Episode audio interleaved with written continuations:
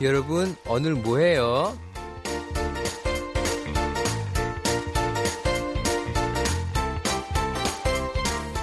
Lagi ngapain nih? Mending kita berbagi cerita di Kepo dengan DJ Lodi. Hai pendengar, kita sudah mulai masuk ke akhir bulan September nih, yang artinya musim udah mau berganti. Pagi udah mulai sejuk, tapi siangnya masih panas nih.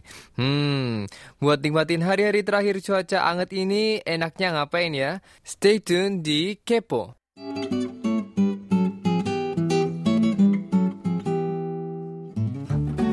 Ngomong-ngomong soal nikmatin hari-hari terakhir musim panas nih, kita langsung aja yuk ke Lodi Speak minggu ini, yaitu pool party alias pesta kolam renang nih. Pool party ini lagi ngetrend banget di Korea selama musim panas tahun ini. Dan emang sih biasanya pool party ini dibuat saat pertengahan musim panas pas Korea lagi panas-panasnya nih. Mungkin teman-teman udah banyak yang tahu kan kalau misalnya di Korea itu musim panasnya sangat-sangat sangat panas banget dan sampai-sampai bisa mencapai 40 derajat Celcius nih. Gila banget ya. Jadi di tengah panas ini orang Korea mencari berbagai cara untuk bersenang-senang sambil-sambil melepaskan rasa panas nih. Jadi biasanya tentunya pool party ini diadakan hanya di musim panas. Nggak mungkin dong ya pool party di musim dingin, ntar pada sakit ya kan, kedinginan. Dan biasanya diadakan di kolam renang terbuka atau outdoor nih teman-teman. Dan tentu ada batasan umur dan juga ada dress code-nya. Contohnya nih, harus pakai pakaian renang atau paling enggak pakai t-shirt dan celana pendek nih. Dan tentunya banyak banget nih range skala ukuran pool party yang biasanya ada juga yang cuma di hotel gitu kan ya di kolam renang hotel tapi juga ada yang sampai besar-besaran diadakan di arena taman bermain air gitu kan. Kayak Water World kalau di Indonesia ada apa ya? Mungkin bisa kasih tahu ntar kalau di Indonesia ada taman bermain apa gitu kan yang ada air-airnya. Dan kalian juga bisa mikir nih ah kayak gitu gitu kan ya. Dan juga biasanya kalau misalnya udah sampai yang acara besar-besaran nih nggak cuman pool party kayak ada musik-musiknya gitu aja tapi juga pastinya mengundang artis-artis dan bintang tamu yang terkenal nih. Dan kadang-kadang pool party ini diadakan di luar kota Seoul juga nih teman-teman. Ada juga yang mengambil tempat di kayak pension di agak pedesaan gitu. Tapi bisa berlangsung sampai 48 jam alias dua hari nonstop nih. Gila kan? Itu kapan ya tidurnya gitu kan? Tapi tentunya biasanya di acara-acara seperti ini uh, walaupun nggak terlalu besar tapi bintang tamunya juga macem-macem nih. Banyak artis-artis juga yang datang dan tentunya walaupun keseringan pesta ini dibuat khusus untuk anak-anak muda ya ternyata kadang-kadang yang udah berkeluarga yang punya anak gitu kan ya juga pingin nih kayak ah gue juga pingin pool party nih lihat gitu kan. Dan itu juga nih mereka biasanya akan mengumpulkan keluarga-keluarga dan sahabat dekat.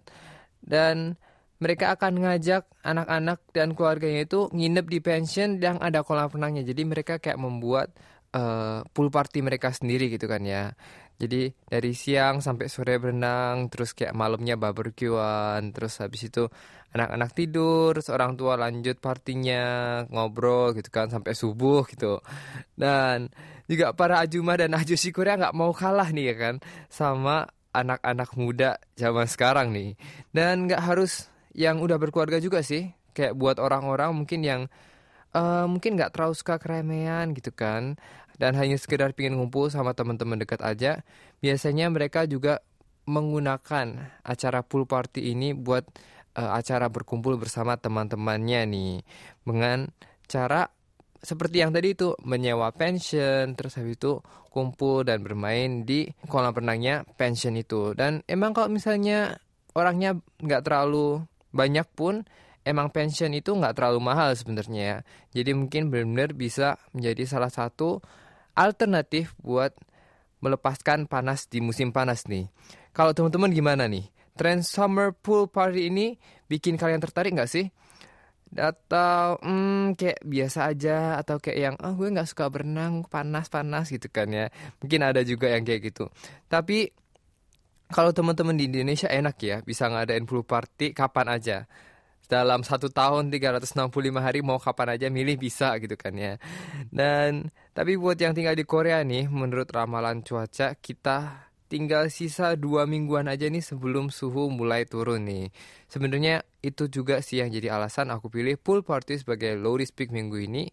Dan kalau nggak pool party sekarang, harus tunggu sampai tahun depan nih ya kan. Jadi juga tentunya buat kalian yang mau liburan ke Korea, tentunya buat tahun depan bisa nih dicobain mungkin ikutan pool party waktu liburan di Korea nih.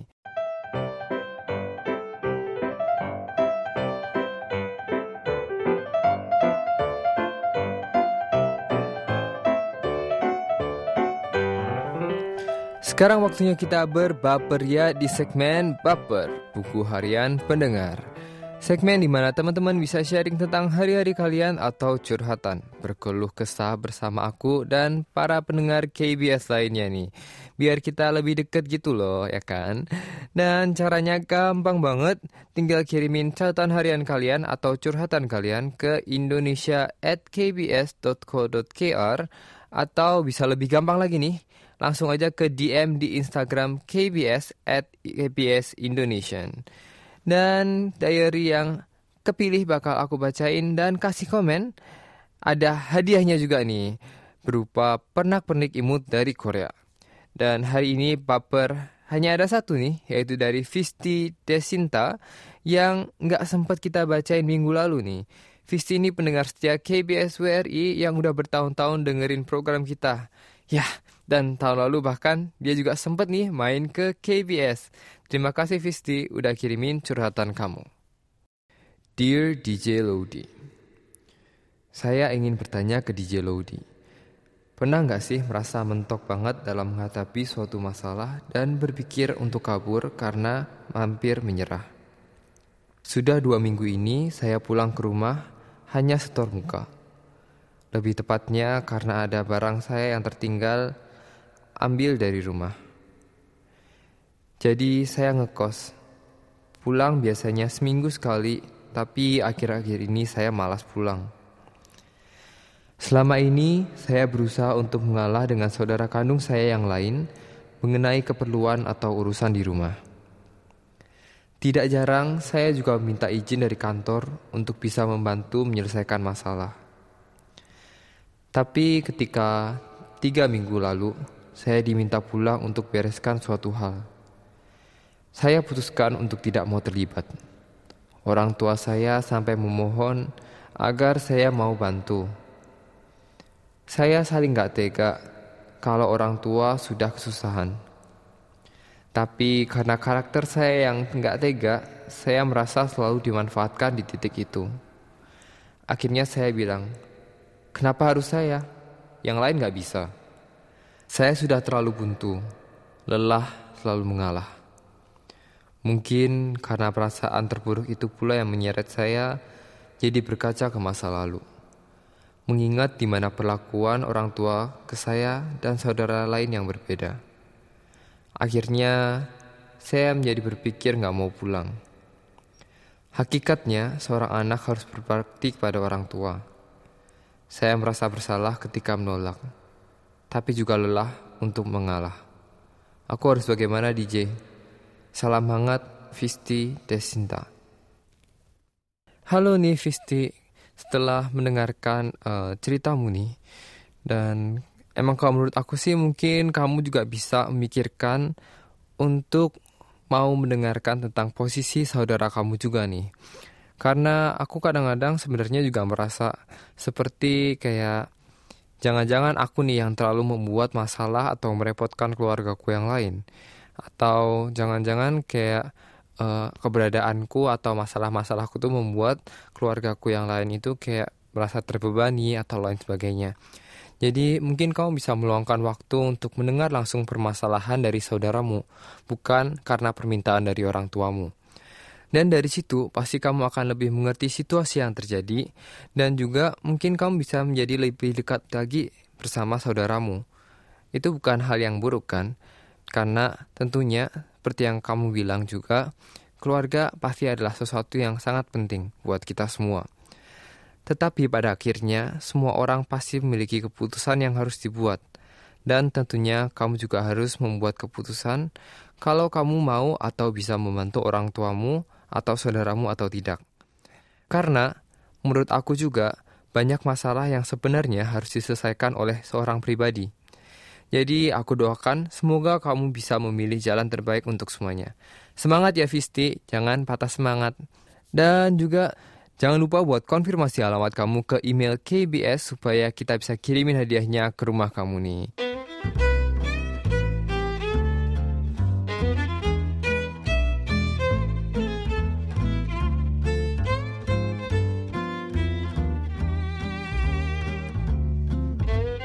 Dear Diary Memandang langit malam yang diterangi indahnya cahaya rembulan di hari raya Chuseok Aku terus memandang bulan purnama di kejauhan Berharap dapat melihat para kelinci yang sedang menumbuk kue beras. Sekali lagi aku melewatkan Chuseok ini tanpa bersama keluarga di sampingku. Tetapi aku tak merasa bahagia karena di sini aku dikelilingi oleh orang-orang yang sekarang sudah kuanggap sebagai keluarga. Merayakan Chuseok bersama teman-teman selalu menjadi agenda yang menyenangkan. Terlebih lagi di tahun ini, karena akhirnya aku mendapatkan hari libur. Di dunia entertainment tempat aku bekerja, biasanya hari libur pun kita harus bekerja. Dan Chuseok pun menjadi satu-satunya waktu di mana kita bisa benar-benar beristirahat dan berkumpul dengan kerabat yang paling dekat. Tahun ini kami merayakan Chuseok di tempatku. Kami makan bersama sambil berbincang-bincang dan menikmati pemandangan matahari terbenam yang indah. Tentu saja juga menyambut malam di atap rumah. Mengingat jadwal dan kegiatan yang begitu padat minggu-minggu yang akan datang, membuatku berpikir bahwa aku harus bekerja lebih keras lagi. Bukan hanya untuk diriku sendiri, tapi juga untuk orang-orang di sekitarku yang selama ini sudah memberikan dorongan dan semangat untukku. Aku ingin di malam Cusok ini mereka semua dapat selalu berbahagia dan sehat selalu. 오늘도 고생 많았어요. Selamat Hari Raya Chuseok semuanya. Itulah LDR minggu ini dan ini dari pas Hari Raya Chuseok di Korea minggu lalu nih ya teman-teman. Begitulah nasib aku yang tinggal tanpa keluarga di negeri orang nih ya kan. Teman-teman pernah gak sih harus ngelewatin hari raya sendirian kayak aku? Kalau iya, apa kalian sama dengan aku yang merayakan dengan teman-teman dekat bersama kayak makan bareng dan hmm, mungkin bisa sambil-sambil bercerita. Jangan lupa kasih komen ya di sosial media kita melalui Instagram maupun Facebook. Aku pingin denger pengalaman kalian juga nih. Walaupun segmen baper hari ini cuma ada satu nih, untungnya komen kalian lumayan panjang nih. Makanya teman-teman jangan malu-malu dong buat sharing opini kalian di sosial media KBS WRI semakin rame semakin asik kan. Nih yang pertama ada komen dari Waluyo IBN Dichman. Komennya tentang Lodi Speak nih yang minggu lalu. Hokangse.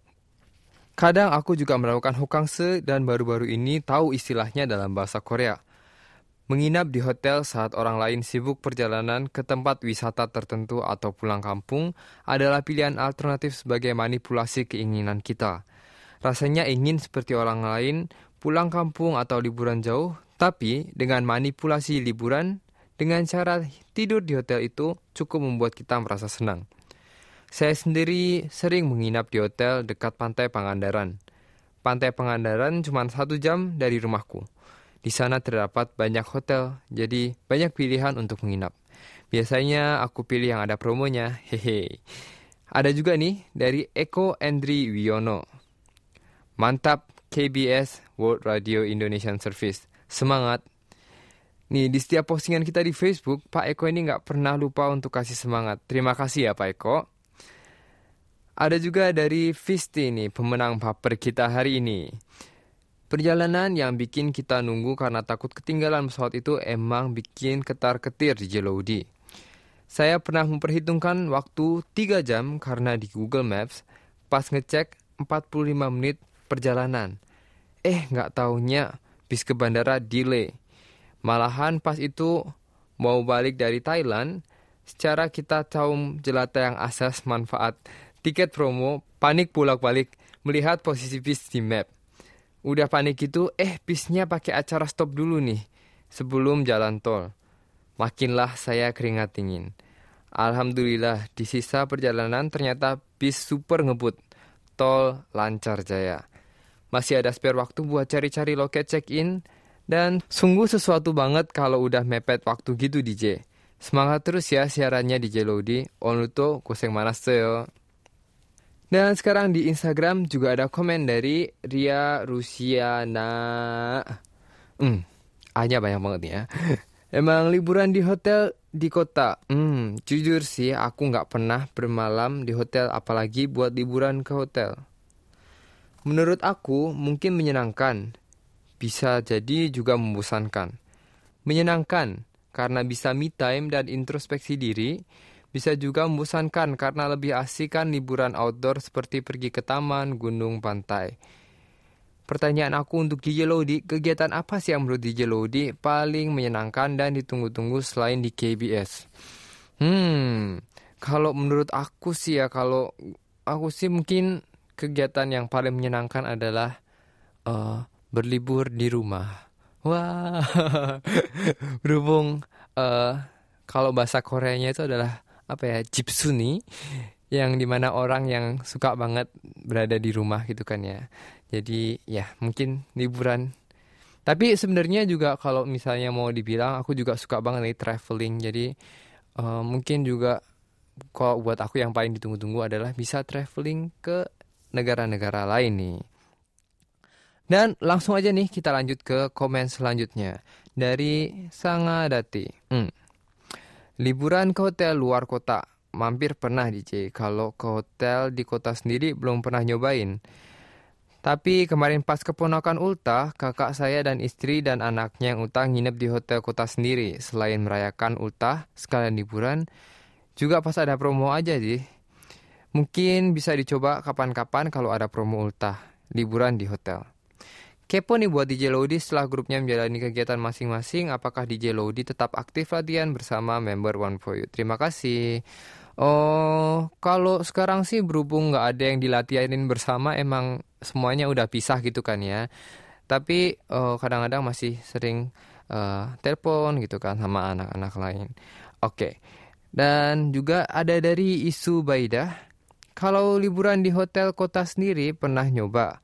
Rasanya B aja.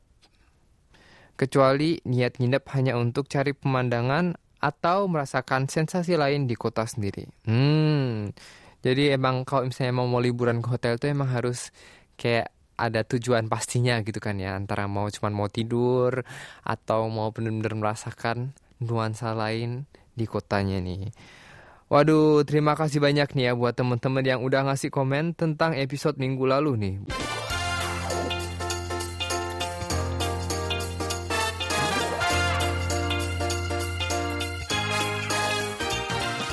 Teman-teman pendengar KBS, sayangnya waktu kita udah habis nih ya buat hari ini.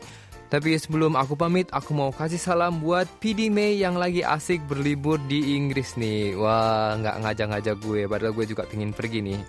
Dan walaupun minggu ini kita di KBS sedih karena harus berpisah dengan PD May, semoga ke depannya PD May selalu sukses dan yang paling penting selalu bahagia ya.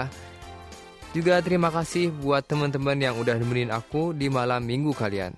Onuto sugoeso, happy weekend, annyeong!